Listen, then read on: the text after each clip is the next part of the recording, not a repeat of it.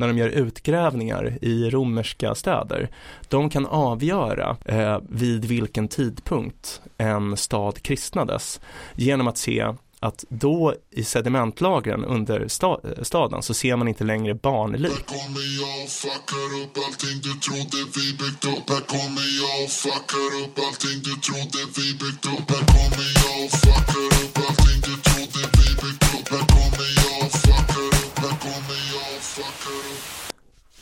Hej och välkomna till podcasten Om och Men där vi reder ut det ni tycker är krångligt och krånglar till det ni trodde redan var utrett. Med mig Vincent Flink Gamlenäs. Med mig Beatrice Erkers. Nu drar vi igång här i poddstudion. Ja, Eh, Men du Bea, vad har eh, hänt sen sist? eh, ja vad har hänt sen sist? Jag, ehm, jag har en, em, en antirekommendation skulle jag säga. Ja, Ehm, jag var på Konserthuset i lördags. det låter väl härligt? Ja, jag fick för mig att jag ville eh, gå till Konserthuset i höst. Eh, men sen insåg jag att det, det var inte det jag hade fått för mig. Jag hade fått för mig att jag ville gå till, b- vad heter den där andra? Som Operan eller vadå? Nej, den som ligger vid Djurgården typ. Vid Djurgården? Inte Konserthuset utan Jag hänger inte med faktiskt. Bärvaldshallen. Jaha, Berwaldhallen, okej. Ja, Ja, ja. ja. Mm. Eh, men Den som det- ligger i ett bergsschakt. Precis, Ja. precis. Den vill jag gå till. Men eh, jag hade, jag var, jag var inte så smart. Så jag bokade biljetter till Konserthuset. All right. Och då sa jag okej, ja men det är en barnkonsert. Men det verkar ju vara bra låtar de spelar. Ändå, Ja. typ. Det var lite klassiker, best of typ. Och sen när jag kom dit så var det verkligen en barnkonsert. Alltså det var så här, det var en kvinna som läste en saga.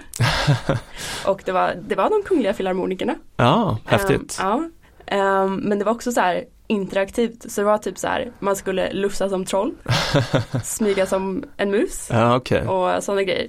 Det var ganska pinsamt att vara där som ensam vuxen. och så här, jag satt längst fram också.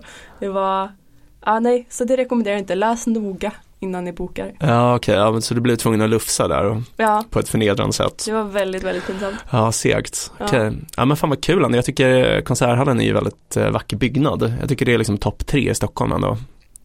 Ehm, ja, ja, men, men jag tycker den är, den är liksom en konstig den är liksom både lite osynlig och synlig. Jag vet inte. Det känns Mm. inte som att man lägger så mycket märke till den.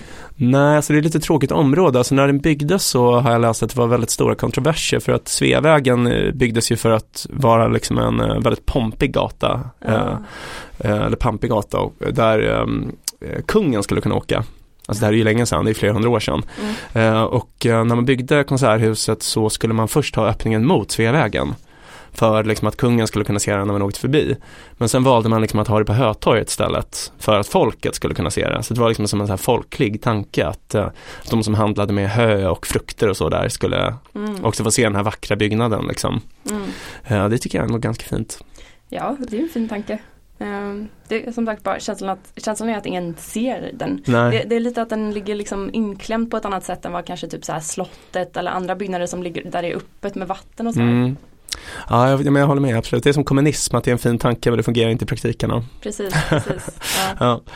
Mm. Um, Okej. Mm. Men vad har du gjort sen senast? Um, alltså jag, eh, alltså jag har inte gjort jättemycket men jag har, um, alltså jag tror jag kanske sagt det i något tidigare avsnitt men uh, Lona och jag min fru vi har köpt en ny TV Mm. eh, som är skitbra. Mm. Och eh, jag tänkte inviga den TVn genom att se alla extended edition versioner av Lord of the Rings filmerna. Oj. Eh, så att vi har nu sett den första och den andra och vi såg den andra häromdagen och det är typ min favoritfilm, eh, All Time High. Mm. Den är sjukt bra alltså. Mm, jag håller med. Eh, så jag vill bara rekommendera den här filmen som alla redan har sett. Men eh, det du säger med extended edition versionen av den är Ja. ju Den är ju Fyra timmar ungefär. Ja men den är också väldigt mycket bättre tycker jag. Ja. för, för innan så, jag vet att jag tänkte innan att tvåan var min minst favorite liksom. Är det sant? Okej. Ja. Men sen så såg jag extended edition och då mm, fick den något annat sorts djup för mig. Alltså det, men det är så snyggt, alltså mina favoritkaraktärer i, ehm, i, i filmen överhuvudtaget är Saruman eh, och eh, hans hejduk, Wormtongue. Mm. Jag tycker de är så jävla bra. Och liksom alla scener i Rohan med Eowyn, väldigt underskattad karaktär. Eh, hon är ju mycket bättre än uh, Arwen. Man vill ju att Aragorn ska bli tillsammans med henne istället. Nej. Du gillar Arwen mer, Ja. men det är hästarna kanske. Vattenhästarna. Men Rohan är ju också häst. Ja, jo det är för sig sant. Ja. Okej, intressant. Men jag tycker Arwen är så opersonlig, liksom, hon, eh, hon gör ju liksom ingenting. Ja, nej men jag förstår vad du menar. Men, ehm, men det är liksom, jag vet inte, det är sen barnsben. Ja, jag fattar. Men jag tycker det är så snygg eh, scen, jag skickade till dig tidigare idag, eh, en av mina favoritscener där Wormtongue eh, pratar med Eowyn Mm. eh, och försöker liksom få henne att bli så här korrumperad av honom. Och han, han har ju något så här, det framgår mycket tydligare i böckerna att han kan ju läsa tankar. Eh, så han förstår liksom människors innersta eh, skräck, alltså det de är allra mest rädda för. Så att han förstår att det Eowyn är mest rädd för, det är att liksom hon känner sig fångad. Alltså det är ju som en eh, jag tänker att det är eh, alltså som lite allegoriskt här över att hon känner sig fångad i liksom sin roll som kvinna, att hon inte får strida förrän senare i tredje filmen då. Och, eh, så att han säger något sånt här typ att uh, I know your feelings that you have in the deep of the night. The walls of your chamber closing in on you like a hatch to trammel some wild thing. Det är så jävla bra tycker jag. Ja, och du sa att du kände så på jobbet. Jag känner så inom sjukvården. Ja. ja. Nej men eh, ja, precis. Jag har en sån period när jag är lite less på, på att jobba. Jag vet inte. Men det är, det AT-tjänsten som är tråkig. Nej men alltså det är kul, man lär sig mycket och man lär känna mycket nya människor och sådär. Det är väl kul men alltså jag vet inte, det är så Det känns som bara, alltså det är jobbigt att någon annan äger ens tid typ. Alltså det är Det är inget fel på någon, liksom, själva anställningen är bra och eh, vi har jättebra chefer och sådär också men det är bara så Jobbigt att behöva ha ett jobb liksom. Mm. Det tror jag många känner. Men jag förstår. egentligen. Det är, ehm, eh, ja, nej men det är en sak jag uppskattar med mitt jobb, att jag har en, väldigt mycket frihet eh, under ansvar. Mm. Men eh, det får mig att tänka på dagens tema. Ja exakt, i motsats till frihet. Precis, precis så har vi ju klosterliv. Ja, exakt. Ehm, precis, dagens ämne är ju kloster Eh, och ehm, det beror på att jag eh, för några veckor sedan besökte ett eh, kloster i Grekland tillsammans med en kollega. Shoutout till ehm, uh, Dr. Sava Sarkmidis. Ehm, och eh, när jag berättade det här för Bea så framgick det att hon hade en stor kännedom om kloster, klosterlivet, mycket egna erfarenheter från besök på kloster etc.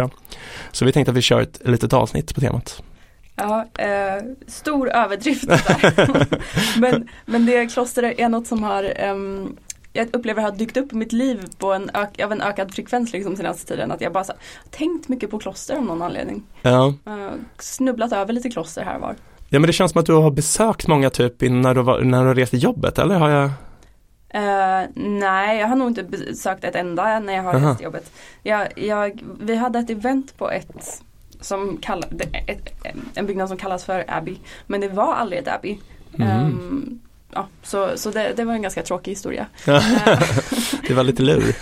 ja, men, ehm, men jag var, när vi var ute och reste i Östeuropa så körde vi förbi ett eh, väldigt stort kloster i Österrike som heter Gutzweig kloster. Mm. Och det var en, en av de mäktigaste liksom klostren jag sett. Det var liksom uppe, högt upp på en kulle ehm, och liksom vingårdar runt omkring och liksom helt enormt typ.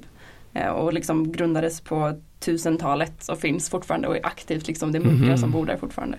Eh, och sånt tycker jag är väldigt häftigt just och jag tror det är därför jag har, det, eller det är en av anledningarna till att jag har tänkt på kloster. eh, är att ehm, det, de är fascinerande som institution. Alltså att de Ja. är så långvariga. Jag har försökt så kolla runt lite, typ så här, vilka är de äldsta institutionerna som existerar liksom. Och det är det är liksom kloster typ. Det är något kloster som, det, eller det, jag tror det var att de sa att det var ehm, alltså påvedomet, alltså typ att Ja. det, var, det var världens äldsta institution. Och sen ehm, alltså Vatikan, påvestolen i Vatikanstaten. Eh, och sen så den näst äldsta är ett kloster som eh, heter eh, Sankt Katarinas Ja, kloster. Sinaiöknen. Precis. Ja, jag tänkte åka dit faktiskt. Ja, Ja, vad, vad häftigt. Det, det är liksom det äldsta Mm. aktiva klostret eh, någons, alltså som Mm. det är aktivt idag och det grundades på eh, 500-talet. Mhm, mm. Okej, jag hade gissat att det var tidigare till och med. Men alltså jag, jag, jag vet inte alls. Jag läste en bok om det för flera år sedan. Men häftigt. Ja, nej men alltså det var intressant för att jag, alltså jag är verkligen intresserad av av exakt samma skäl. Alltså jag tänker ingen av oss är ju liksom religiösa. Nej. Men det är så fascinerande med, men som du säger, just institutioner som har överlevt i alltså liksom 1500 plus år. Det är, alltså, man har på något sätt mycket att lära sig av det, eller hur? Ja, verkligen.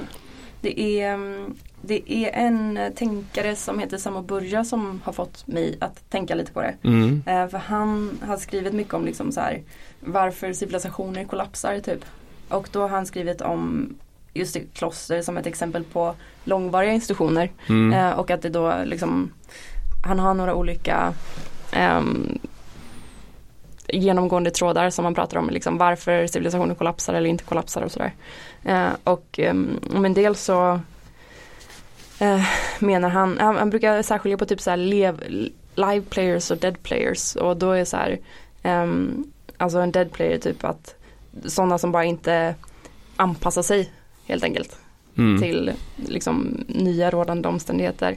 Eh, man kallar det som frozen institutions. Mm. När de är, ja, inte, inte anpassar sig längre utan man håller fast vid liksom och blir för, em, ja, för eh, rigid i att hålla på sina, liksom hur man har gjort det förut.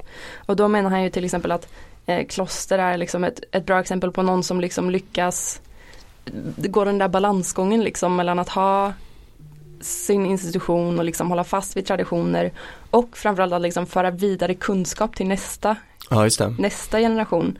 Att det är liksom en av de grejerna som verkligen får det att, eh, ja, att eh, överleva så många generationer.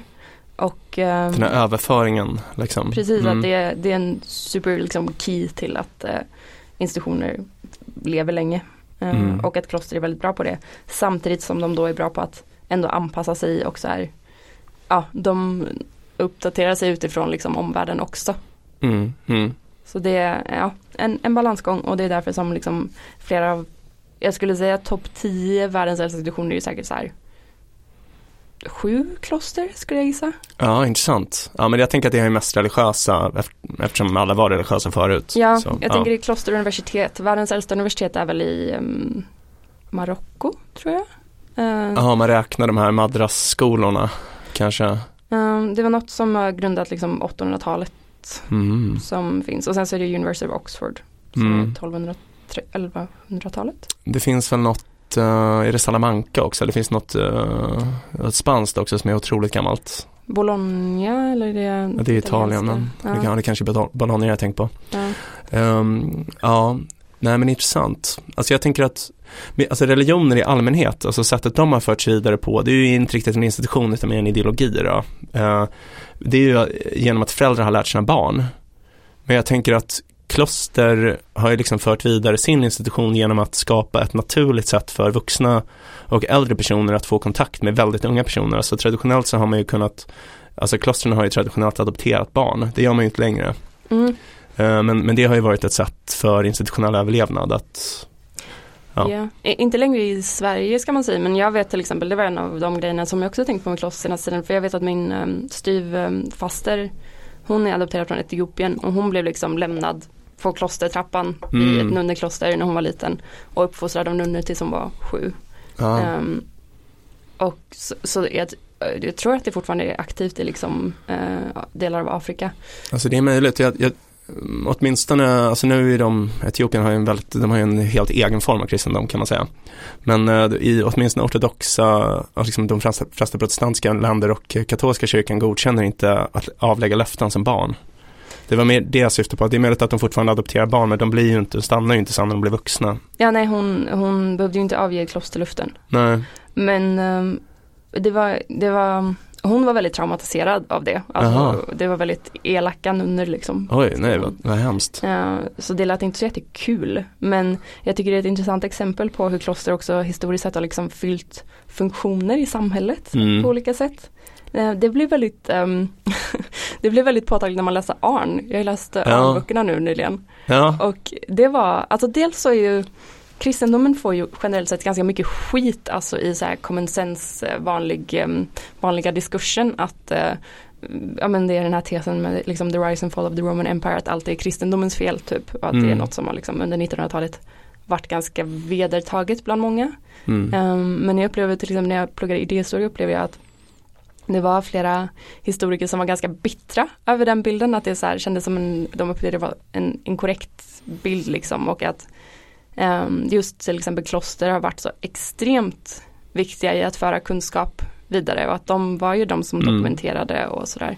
Eh, och jag vet inte exakt vad som är rätt där för det finns ju andra sidan argumenterar ju för att de också förstörde extremt mycket kunskap och att det liksom var um, Alltså Mm. kristendomen, inte klostren själva då. Utan, Ja, men precis. Jag tror, um, alltså jag, jag personligen tror att åtminstone kristendomen, det är ju det man har mest koll på, eller åtminstone det jag har bäst koll på, absolut har varit en kraft för det goda historiskt. Om man eh, tänker liksom vad alternativkostnaderna skulle ha varit. Alltså för det man tänker, alltså folk som är väldigt negativa till eh, det som har skett historiskt eh, på grund av kristendomen, eh, det de tänker, eh, tror jag, är liksom att eh, man har läst kanske Platon, eh, Aristoteles och så tänker man så här, men gud det var så här det var innan, innan de kristna kom. Eh, men, men så var det ju inte. Alltså jag menar de, de mördade ju filosofer. Alltså de hedningarna mördade ju filosofer också. Liksom. Så att jag tror ändå att det som fanns innan kristendomen i Europa inte var eh, bättre. Alltså det, att skillnaden, den stora skillnaden eh, ideologiskt mellan de gamla hedningarreligionerna och kristendomen var att det inte var universalistiskt utan att det bara var att typ etnonationalism. Att alla folk hade sina egna gudar och tyckte att det inte var fel att döda andra folk och sådär. Så att jag, jag tror ändå att det har varit mer positivt än negativt. ja, ja, ja, men jag, jag håller med. Jag, just det här att det ändå upplever att det har fört med sig väldigt snälla inom citationstecken värderingar typ. Alltså lite mer, alltså Nietzsche kanske skulle kalla det islammoral. Men Mm. Eh, Att det ändå varit så här, "Mm, man ska inte döda eh, och man ska inte göra så. Och jag tänker på liksom om jag fick välja mellan att leva i vikingatiden eller nu eller alltså efter att Sverige kristnades så hade jag valt efter att Sverige kristnades liksom. Verkligen. Eh, jag upplever att det är, eller upplever, ja min eh, misstanke är att det nog är enklare. Eh, att det var en snällare, ett snällare samhälle liksom Ja, på olika sätt. Ja, men jag, lä- jag läste en bok om kristendomens historia, tyvärr har jag glömt namnet på författaren nu, men det är en brittisk historiker, den heter Dominion. Mm. Ehm, väldigt bra bok. Ehm, där skriver han, han, eller alltså han hävdar att arkeologer, när de gör utgrävningar i romerska städer, de kan avgöra eh, vid vilken tidpunkt en stad kristnades genom att se att då i sedimentlagren under sta, staden så ser man inte längre barnlik. Just För- det, Jag kanske har sagt det här innan. Eh, jag känner igen det Ja. Ja. Eh, För att det, var- det var helt enkelt så, alltså om det var ett missbildat barn som föddes så, så bara slängde man det i avloppet mer eller mindre då. Mm. Eh, Alltså det, det är ju ändå ett tecken på att det finns åtminstone någonting bra med, Mm. Ja men det, det är liksom någon sorts moral absolut. eh, som känns mer aligned med, med det vi tycker är bra nu i alla fall. Ehm, men det är, jo men just det när jag läste Arn så blev det så påtagligt liksom hur för innan har man tänkt på liksom klostret som kanske är så här tuntarna. Eh, Men när man läser Arn så var det så här, det är de coola typ. Det är Ja. de som har varit ute i världen som har så här, de har de braiga hästarna. Det är, Exakt. det är de som har koll på hur man brygger vin eller alltså hur man lagar, tillagar viss mat eller liksom har um, avloppssystem, alltså sådana grejer. Medan de andra svenskarna är liksom hedningarna som rider på sina tjocka ponnys typ och tycker de är mycket häftigare än arabhästarna. Um, och just att va- Arn då tränas ju i, eh, jag- vet inte om alla har läst eller sett Arn, men eh, han tränas ju av en, en av, en, en av munkarna som har varit också tempelriddare och han lär sig slåss och sådana grejer, alltså så här Eh, vilket ju är lite typiskt Jan Guillou-tuntigt att man ska vara bra på att slåss för att vara cool. Men eh, det, det var också ändå en eh, Ja men det var bara, de förde med sig så himla mycket kunskap och att de också var liksom läkekunniga på ett annat sätt än vad vanliga befolkningen var ofta och sådana grejer. Att det liksom, de hade en viktig funktion i samhället på olika sätt. Mm, mm.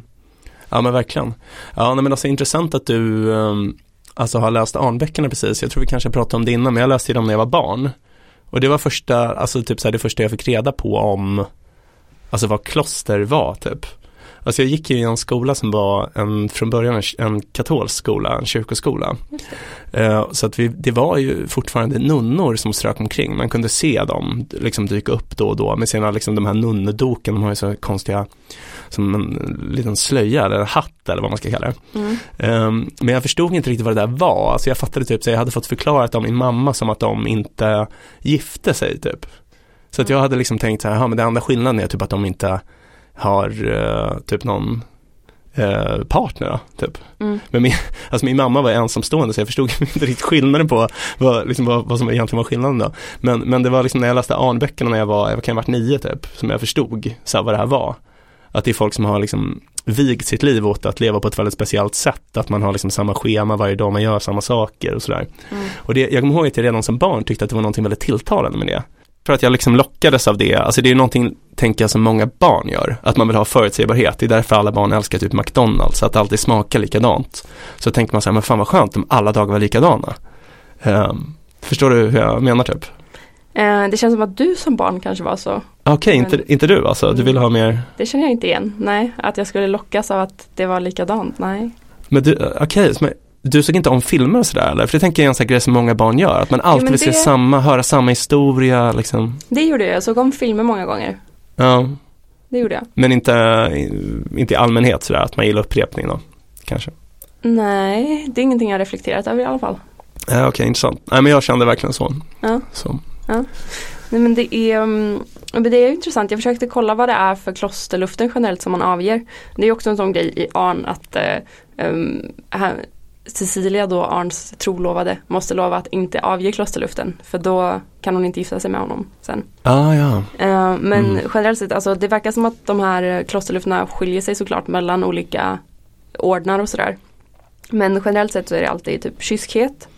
Ehm, alltså att eh, avstå från äktenskapligt samlag och leva som celibat.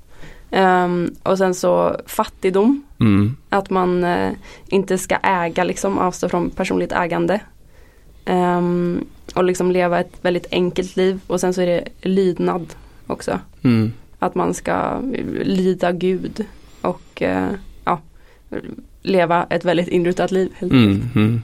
Och sin abbot tänker jag, eller abbedissan. Ja, Eh, Att man ska lyda chefen liksom. mm, Eh, vissa har ju egna löften också. Jag tror typ jesuiterna har något speciellt lydnadslöfte till påven just. Att det är Mm. någon sån grej. Um, ja. ja, och vissa tror jag har typ att de har något fjärde luft att de ska eh, tjäna fattiga eller så hjälpa fattiga. Ah, ja. sådär. Intressant. Eh, ja. Fattiga och sjuka. Ja, nej men ehm, det är spännande, ett spännande liv. Ja, men verkligen. Vill du berätta lite om du, för ja, en av anledningarna till att vi valde det här nu då är för att du har nyligen besökt ett kloster. Ja, exakt.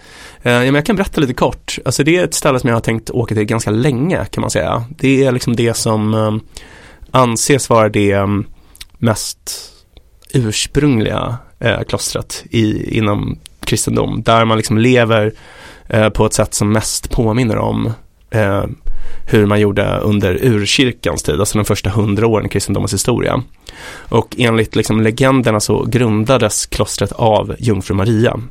Eh, det är ju, alltså jag inser ju att det inte är så, men eh, det är liksom det man eh, traditionellt säger att hon tillsammans med en av evangelisterna, evangelisten Johannes kom dit efter att Jesus hade åkt upp till himlen och att hon bestämde liksom att det här det här ska vara min örtagård, sa hon så här. Så här ska liksom jag odla eh, Guds rike då. Och eftersom hon, eh, det var hennes kloster liksom, så menar man att hon ska vara den enda kvinnan där. Mm. Så att inga andra kvinnor får komma dit. Det vill säga inga kvinnor får komma dit. Mm.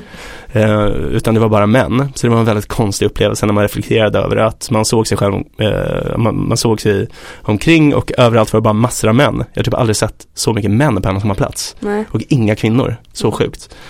Vad, vad heter klostret? Eh, alltså det är en plats som heter Athos. Ja. Och det är en halvö, en grekisk halvö utanför Thessaloniki, eh, ungefär så långt nordöst ut man kan komma i Grekland. Och eh, på den ön så ligger det väldigt många olika kloster. Ja, det, det är det som är Meteora eller något sånt, eller? Uh, Meteora är, det är en, en, annan, eh, en annan plats. Okej, ja. Men det ligger också nära Okej. eh, Thessaloniki. En sån jäkla massa slott eller kloster där i krokarna då. Ja, precis. Alltså Met- Meteora är väl det som är mest likt som man kan besöka som kvinna. Okej, ja. Ehm, men det, ja, det ligger liksom uppe i klipporna i bergen i Makedonien. Mm. Ehm, men, eh, nej men Attos då, så att vi, vi åkte dit, jag och en kollega som är grek. Så att han, alltså grejen var att jag är så oerhört tacksam att han fixade allt åt mig. Jag hade aldrig pallat åka dit annars. För han hade släktingar som hade varit där. Så att de fixade allt, de hämtade oss på flygplatsen, hjälpte oss ta oss dit. Det är en lång resa, så från, först flyger man till Thessaloniki, det tar ju typ tre och en halv timme. Sen måste man åka till eh, den staden som ligger närmast som heter Oranopoli. Och det tar typ två timmar med bil. Och därefter tar man båt, det tar typ tre timmar. Så det är en skitlång resa liksom. Och dessutom måste man ansöka om visum. För det är liksom en egen, alltså typ en autonom region. De har sina egna lagar, det finns ingen grekisk polis där. Um, så att jag var tvungen att ansöka om visum och då hade de jättemånga frågor om typ så här, min religiösa uppfattning.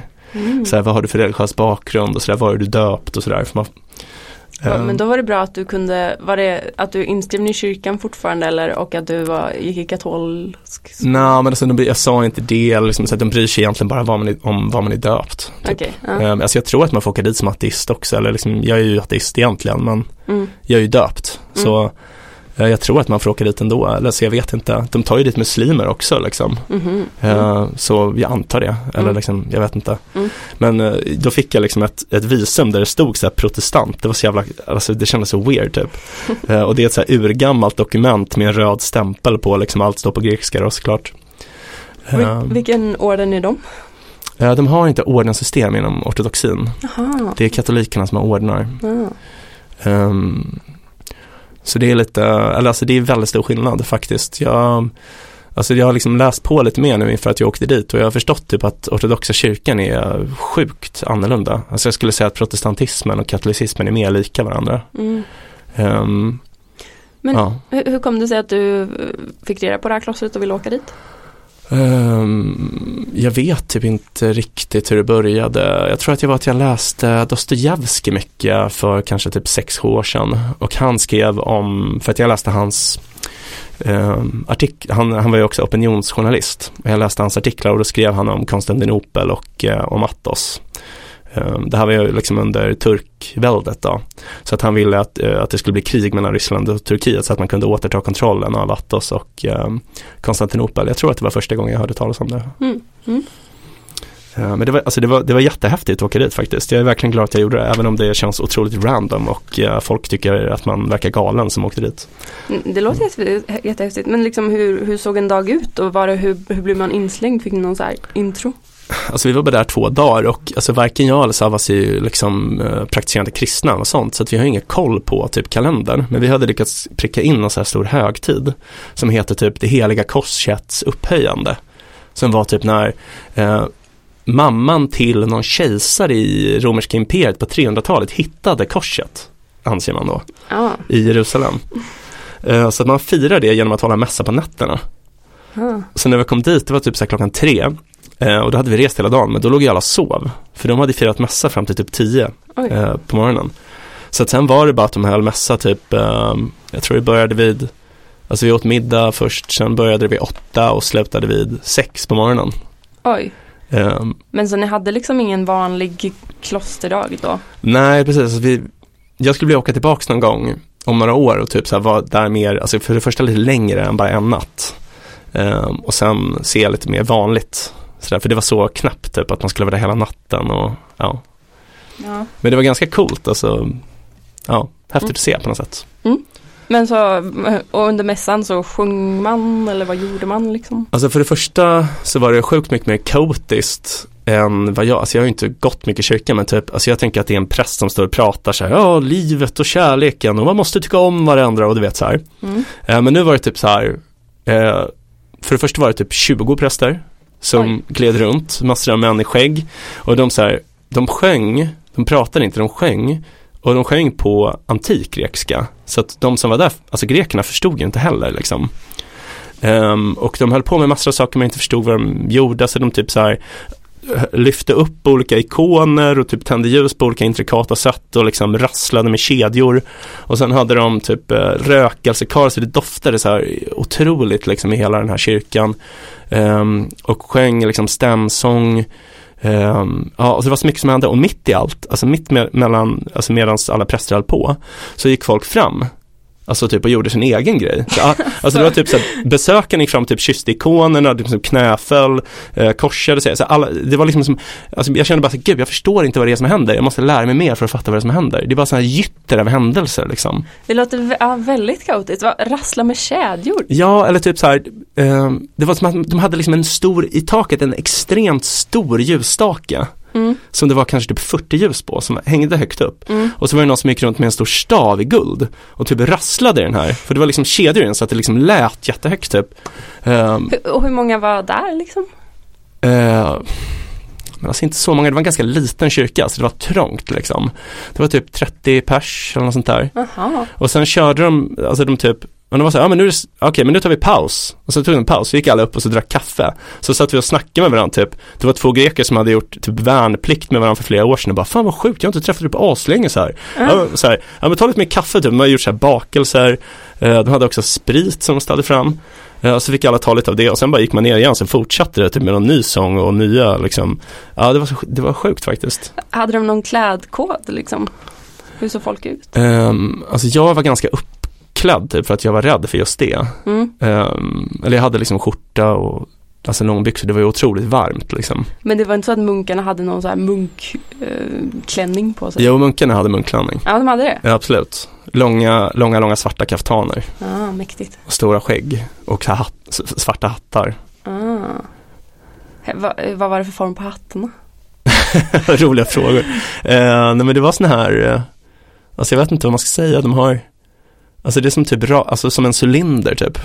En svart cylinder som de har på huvudet. Ah. Ja. Eh, ja, de ser lite lustiga ut. Men alltså det var så sjukt för att vi, alltså jag, jag kommer ihåg när, jag, när vi kom dit, då var det verkligen så här, det var så många olika språk som talades. Så att det var en väldigt så här, internationell miljö, men det var ju liksom från andra länder än vad man är van vid. Alltså det var typ så här massa etiopier, massa eh, araber, ryssar, rumäner, serber. Alltså det var ju bara från öst, eller liksom, ja. Mm. Eh, så det var så ja det var en väldigt skum upplevelse Mm. faktiskt. Det låter väldigt speciellt. Ja, alltså jag har aldrig varit med om något liknande. Nej. Men eh, Ja, nej, verkligen som så här, det känns som att en, en tidsresa också på vissa sätt. Alltså så här, ja, alltså vä- väldigt mycket av en tidsresa. De hade en helt annan världsbild typ, eh, mm, märkte man när man pratade med de här munkarna. Vi bodde hos en munk som, när vi ville, vi skulle åka därifrån och då hade vi ett flyg att passa liksom. Och det var en så här bara, nej men det är för hård storm, ni kommer aldrig komma dit så här. Ni, Gud kanske vill att ni stannar. Typ. Mm. Så han bara tyckte det var så här, ja men vem bryr sig, så här, nu är ni här, det är här allting viktigt händer. De, alltså, ja, ja, det är Guds vilja också. ja exakt, helt annan syn. Det var lite eh, gulligt. Jag, eller jag har försökt så här ta reda på lite vad, vad är klosterstatusen i Sverige nu, liksom, nu för tiden. Ja, Ehm, för jag upplevde, jag, jag har liksom ingen koll på vilka, vad det finns för aktiva kloster i Sverige. Men jag upplevde att när jag bodde i Uppsala så stötte man på lite nunnor då och då. ja just det. Ehm, men det kanske bara är för att domkyrkan låg där. Men i alla fall så um, hittade jag en artikel där det var så här att de hade intervjuat en aktiv nunna nu liksom, eller det var från 2016 kanske artikeln eller något sånt. Ehm, och då pratade hon om att, ja men klostret fram, alltså de pratar om att det är färre som vill gå i kloster nu för tiden Mm. i Sverige, vilket känns ganska Mm. obvious. Ehm, att, men att liksom klostrets framtid ligger i Guds händer och blir det inga systrar kvar så ehm, det är Guds vilja liksom. Ehm, Mhm. allt som sker. Eh, det, det verkar ju vara en bekväm, bekväm, ett bekvämt sätt att se. Det var också så sjukt att tänka sig, hon som intervjuade hade gått med i klostret 1959 som liksom 20-åring. Typ. Ja jäklar. Ja, Alltså gud vilket speciellt liv bara. ja eh, så sjukt. Men jag, jag hörde att det på Atos finns en man som är i 70-årsåldern som aldrig har träffat en kvinna. Oj oj oj. Alltså han, har ju, han, ju, han är ju uppenbarligen född av en kvinna men alltså jag menar Ja. sen han kom dit då som eh, bebis. Ja. Innan han var ett år gammal då. Ah, sjukt att så här kvinnor är aliens. Ja, ja det, det är märkligt faktiskt. Verkligen. Ja, det är, men eh, när jag kollade då i den här artikeln så stod det också att det finns typ 200 nunnor och munkar i Sverige Mhm. och typ 30 kloster ja, ja. Alltså ganska små då antar jag. Ehm, och både då eh, protestantiska och katolska. Ja, okej. Men fler protestantiska än katolska. Mm. Men Det är ju inte alls många. Så är det 200. ja. Mm. Men, eh, ja, men det känns inte som att jag hade förväntat mig att det skulle vara fler liksom. Nej, i och för sig. Mm. Absolut. Mm. Det, men det, det enda man vet är väl de här Vadstena liksom. Ja, just det. Heliga Birgitta. Birgittiner, nunnorna. Ja, och um, Varnhem som är den som närmar sig ön, det är, jag tror inte det är ett kloster längre. Ja, okej, Eh, okej. Men det är en klosterkyrka fortfarande så det är liksom kyrkan kan man besöka. Jag ska Mm. dit i helgen förresten. Är det sant? Kan jag besöka ännu fler Fan vad coolt. Ja. Vad ska du göra där? Eller? Eh, jag ska med vår kompis som kommer från de trakterna. Hon sjöng ju i Varnhemskyrkan när hon var liten. Jaha, Ehm, det är så kul att du aldrig vill nämna hennes namn. Det men det hon- känns som att eh, Ja, ja. vill kanske vara anonym. Ja okej jag förstår, nej men då ska vi inte säga något. Nej. Ehm, ja, men så då får vi explora Varnhem, Varnhems trakter. Ja men det låter nice, det Mm. låter nice. Men vad har du mer besökt för kloster då? Ehm, men jag har inte besökt så många kloster. Jag, jag har varit vid Varnhem förut. Men, ehm, men det jag har besökt däremot som jag funderade på liksom, i relation till det här är ju jag har bott på ashram i Indien. Ah, just det. Ehm, och det är en annan eh, form av liksom, eh, vad ska man säga, någon sorts eh, spirituell eh, institution. Mm. Ehm, och ja, jag försökte också kolla lite men det verkar som att så här, ashram, man skulle kunna säga att det är en form av kloster, alltså beroende på vilken definition man har. Men alltså kloster officiellt är ju typ kristet eller så. Mm. Men sen så finns det ju tempel eller vad man ska säga eller olika. Ja, ja. Ehm, men ashram är ju då att man man bor på eh, ett, ett ställe där det ofta finns liksom en andlig ledare, alltså någon sorts guru eller eh, yogimästare eller något sånt. Mm. Eh, och så är det också att man har ett ganska inrutat liv. Nu finns det ju, det finns ju en väldigt kommersialiserad version av det, vilket var ganska mycket det jag var på skulle man kunna säga. Mm. Alltså att det, man var ganska fri att komma och gå liksom. Det var inte så att du var inlåst. Nej, eh, nej. Och var tvungen att göra allt. Eh, Även om det var många, många av indierna som var där samtidigt som jag var ju mycket mer eh, strikta med eh, sin practice. Eh, Men då var det liksom en vanlig dag där var att man gick upp och mediterade typ klockan fem. Åh fy fan. Ja. Och då mediterar man i en timme. Eh, och sen så yogade man i en timme, en och en halv timme. Och sen så åt man frukost Mm. efter det. Eh, och sen så var det ofta fritid liksom. Eh, eller på lite mer seriösa kloster så är det ofta kanske att man har sysslor att göra. Eller på seriösa ashram att man har sysslor att göra då. Liksom att städa eller sådana grejer. Alltså tvätta och Mm. sånt. Mm. Ehm, och sen så var det liksom yoga igen på kvällen och någon till meditation och sådär. Mm. Så mm, framförallt väldigt, väldigt mycket yoga. Ja det är klart. Men det var också lite så här inrutat att man, man har ett visst schema för dagarna så här. Ja absolut, alla dagar var ju likadana. Ehm, jag tror att söndagar kan ha varit lite vilodag om jag minns rätt. Men jag är inte helt hundra, det kan ha varit att de var också likadana. Mm. Eh, Mm. Så, så det var ju väldigt intressant och det är ju ett intressant Ja, det är intressant att testa att leva Mm. så lite.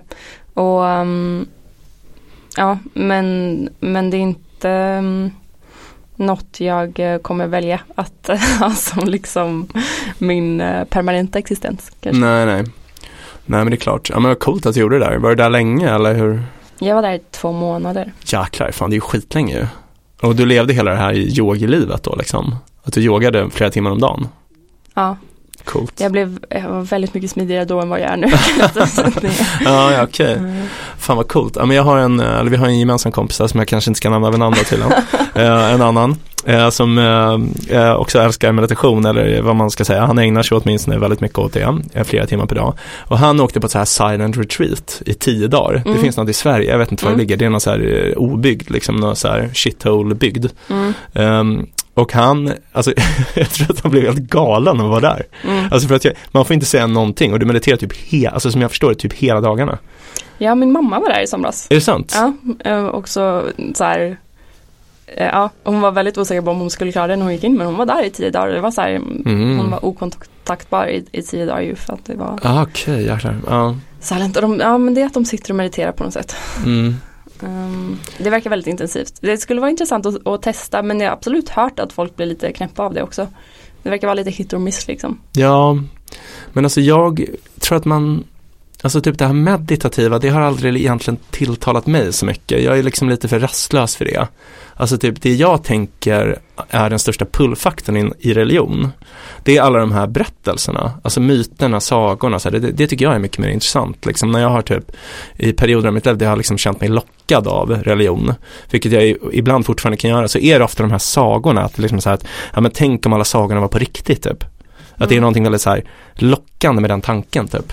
Mm. Ehm, Mm, men jag gillar den, ehm, den framingen. Att det, det är att Ja, det är sagor som man tänker på riktigt på det Ja. sättet. ja, exakt.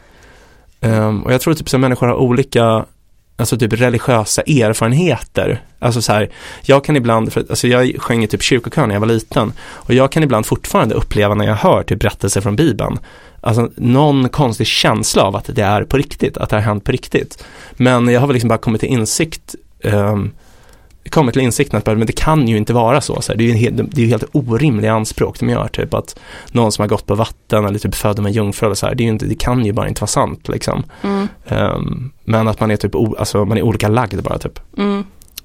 Ja, nej men jag vet när jag var på Ashram så det var ju väldigt många som var väldigt, väldigt spirituella och jag har aldrig varit spirituell liksom, alltså det, det finns inget i mig äh, där. Eh, Nej, intressant. ja. Det var alltid, um, det var intressant att bara så här vara ärlig med det och bara säga nej men jag är inte spirituell. Men ändå jag tycker att det är någonting um, just med meditation och så, det är någonting rent um, um, praktiskt som jag upplever att jag får ut av det. Liksom att det är, ja, att jag upplever att jag kan ha lite bättre styr på tankarna bara. Och Mm. därför så blir det liksom användbart för mig. Ja, jag fattar. Upplever du att du får någon form av sinnesro av det liksom, eller? Nej, oftast inte. Mer att jag tycker det är jobbigt att jag inte lyckas koncentrera mig så mycket som jag vill. typ. Okej. Eh, men, eh, men kanske när jag mediterade mer då. Nu mediterar jag tio minuter om dagen max. Um, Mm. Men, ehm, men just att ändå det är någonting ehm, Ja, jag vet inte, pullfaktorn på mig är nog mer att så här, eh, ja men rutiner och eh, Mm, eh, mm. social kontext som gör att man kanske beter sig på sätt som är fördelaktigt för en på olika sätt. Mm. Ja, intressant. Alltså typ att man lär känna människor och sådär. Ja. Ja, men det tänker jag ju framför, alltså verkligen är ehm, en den avgörande pullfaktorn för- för religion överhuvudtaget måste ju vara liksom olika, att det för människor sam, samman och ger dem en kontext. Alltså Ja, oavsett vilket liksom avskräde man kommer ifrån eller är så, så finns det liksom, ja men hit får du komma, typ. Ja. Ehm, så har det väl i och för sig inte varit alltid historiskt men eh, men just nu är det så. Jag, jag kommer ihåg, jag bodde, när jag bodde vid, i Helgalunden så har de ju en fin kyrka där. Och då en dag ville jag prova att gå på gudstjänsten. Och det var så sjukt, det var som, en- också, så- du vet när man kliver in i ett litet parallelluniversum typ. Och så här, Mm, mm. Jaha, här är massa folk som går till den här kyrkan varje söndag. Alltså det var så påtagligt att det var så här familjer som gick dit. Ah, ja. Vad var det för typ av människor då? Eller liksom, vad, vad gjorde du för spaningar där? Men det var det som var ganska intressant att det var så här Det var påtagligt att det var, det var vissa som var så här de är antagligen här för att de håller på att konfirmera sig och måste gå i kyrkan. Mm, mm. Eh, och sen så var det påstått att det var bara, du vet vissa familjer och det var också väldigt, för den, den ligger på Södermalm. Det var också väldigt kul att det var extremt Södermalmigt, typ så här, prästen var så här, typ en lesbisk kvinna och, Så eh, och eh, det var någon annan snubbe som liksom hjälpte till i kyrkan som berättade om att han var gammal narkoman och att kyrkan hade räddat honom och. Ja, Alltså, ja, fint ändå. Ja, alltså Mm. jättefint men det är också att det när jag har gått i kyrkan hemma i liksom Sibbarp så är det ju inte så. Då har det varit liksom en gammal gubbpräst. Ja, Eh, då är det KD med liksom. inga, inga narkomaner, ja precis. Ja, Eh, då, för vår präst när, vi, när jag konfirmerade mig han var liksom, han tyckte inte det var helt okej att vara gay liksom. nej, nej, okej, gud, det är verkligen tvärtom då. Ja. Alltså Mm. det kanske, det är ju säkert, han, han, dels måste han vara antingen pensionerad, alltså pensionerad och eller död. Eh, men, så jag vet inte liksom vem som är präst just nu. Men eh, ja, men, men så var det och det var ju, var det 15 år sedan? Ja, intressant. Alltså jag, jag jobbade inom beroendevården förut. Eh, många hemlösa mm, personer då, som eh, ingick i, vårt, eh, i vår patientgrupp. Och där var det faktiskt många som var religiösa. Mm. Det var många som pratade om Gud och pratade om, eh, alltså inom psykiatrin diskuterar man ju så ganska personliga saker som man måste liksom prata mer om om de har- funderat på självmord eller haft sådana tankar liksom. Och då är det många som säger det att, ja nej men det är inte, men det går emot med religion och sådär Mm. faktiskt. Mm. Eh, Alltså även svenska liksom. Ja, nej men alltså jag köper det. Ja, Det, det är som vi sa, liksom ger en kontext. Ja precis. Alltså jag tänker att Mer. religion kanske har en större värde för en person i en så eh, svår situation. Verkligen, verkligen. Det tror jag verkligen. Eh, nej. Men på så sätt så är det ju ganska, ja, det här man tänker varför kloster har kunnat finnas så himla länge. Så, Ja. ja. religion uppenbarligen verkar ju ha eh, ett syfte. Att det ger folk en kontext, ger folk någon sorts eh, mening eller riktning i livet kanske. Mm. Ehm, och då har kloster just lyckats skapa det här på ett sätt som du sa, det här att de lyckas föra över informationen till nästa generation. De har liksom också varit ehm, jag vet att han som började skrev om det här också, att de har varit liksom tillräckligt eh, byråkratiskt liksom rigida. Typ. Mm. Att man har varit tillräckligt noga med liksom att eh, ehm, hålla liksom ordning och stabilitet på sina sätt um, samtidigt som ja, det jag sa innan också liksom att man har ändå kunnat anpassa sig lite. Alltså att man så här, Mm. eh, lagom mycket på något sätt lyckas. Ehm, Ja, Ja. intressant. Så man har, du menar som att man har haft en balansgång mellan att dels slå vakt om sin egen institution men också anpassa sig för att inte bli bara bortskuffad. Ja men precis.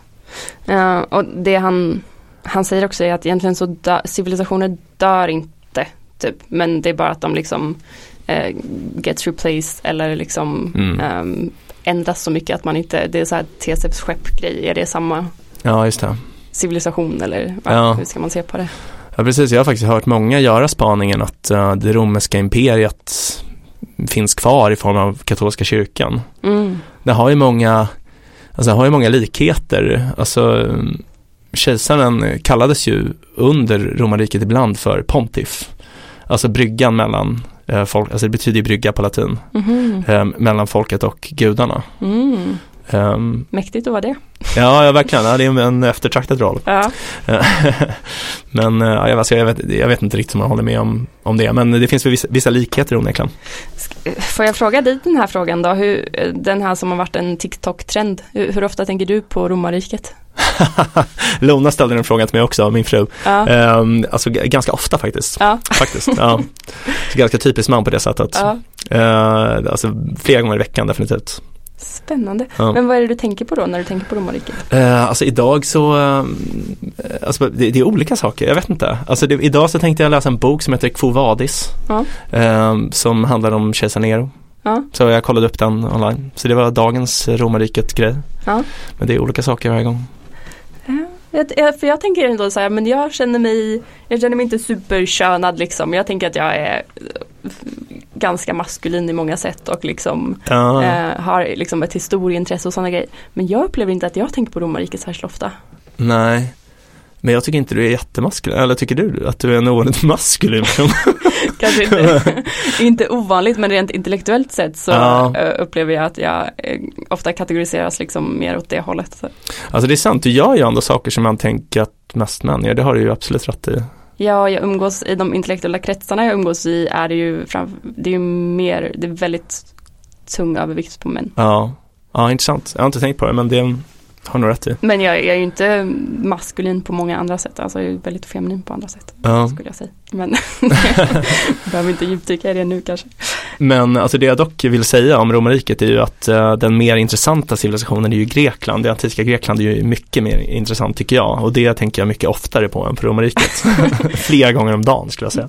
Jag överdriver men Ja, Mm. ja. Ja, men det, det tror jag jag tänker mycket oftare på än romarriket också. Jag, tror, alltså jag, jag kan inte så mycket om romarriket. Jag nej, nog- inte jag heller. Mm. Men, Ja, nej. Men ehm, har vi något mer att säga om kloster?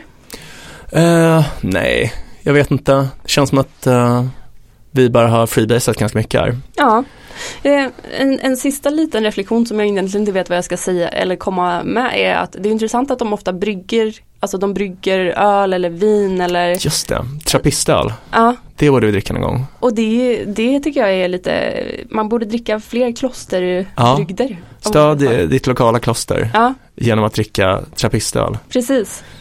Uh, fan det är jävligt coolt när man, alltså för det, det är så väldigt starka öler och det, blir, det adderar ju ett extra lager när man tänker på att munkarna som har bryggt det har tystnadslöfte, de får ju inte tala. De är helt tysta. Under tiden de brygger det eller Nej, hela under sitt hela liv? sitt liv. Oh my god, De får uttala böner och sånt men de får inte föra några samtal. oj, Och när de, när, när de besöker dem så sitter de bakom ett galler så här helt tysta. oj oj oj. Ja.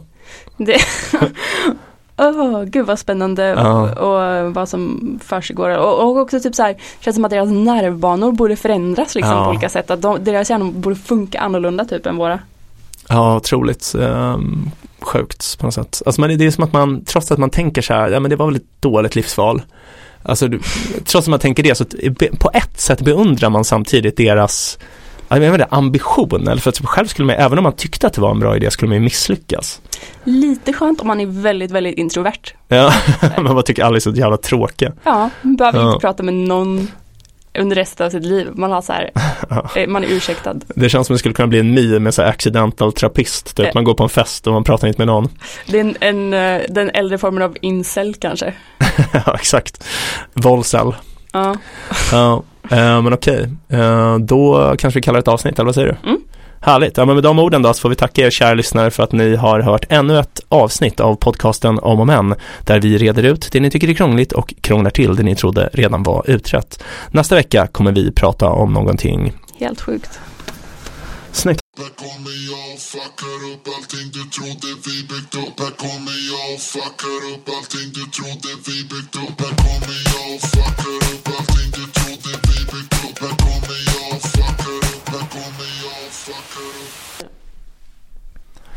Du har lyssnat på podcasten Om och Men med mig, Vincent Flink Amlenäs och med Beatrice Erkers. Om du har några frågor eller förslag på någonting vi kan prata om i programmet kan du nå oss på mejladressen omochmän.gmail.com omochmän.gmail.com Vi kommer svara på alla mejl.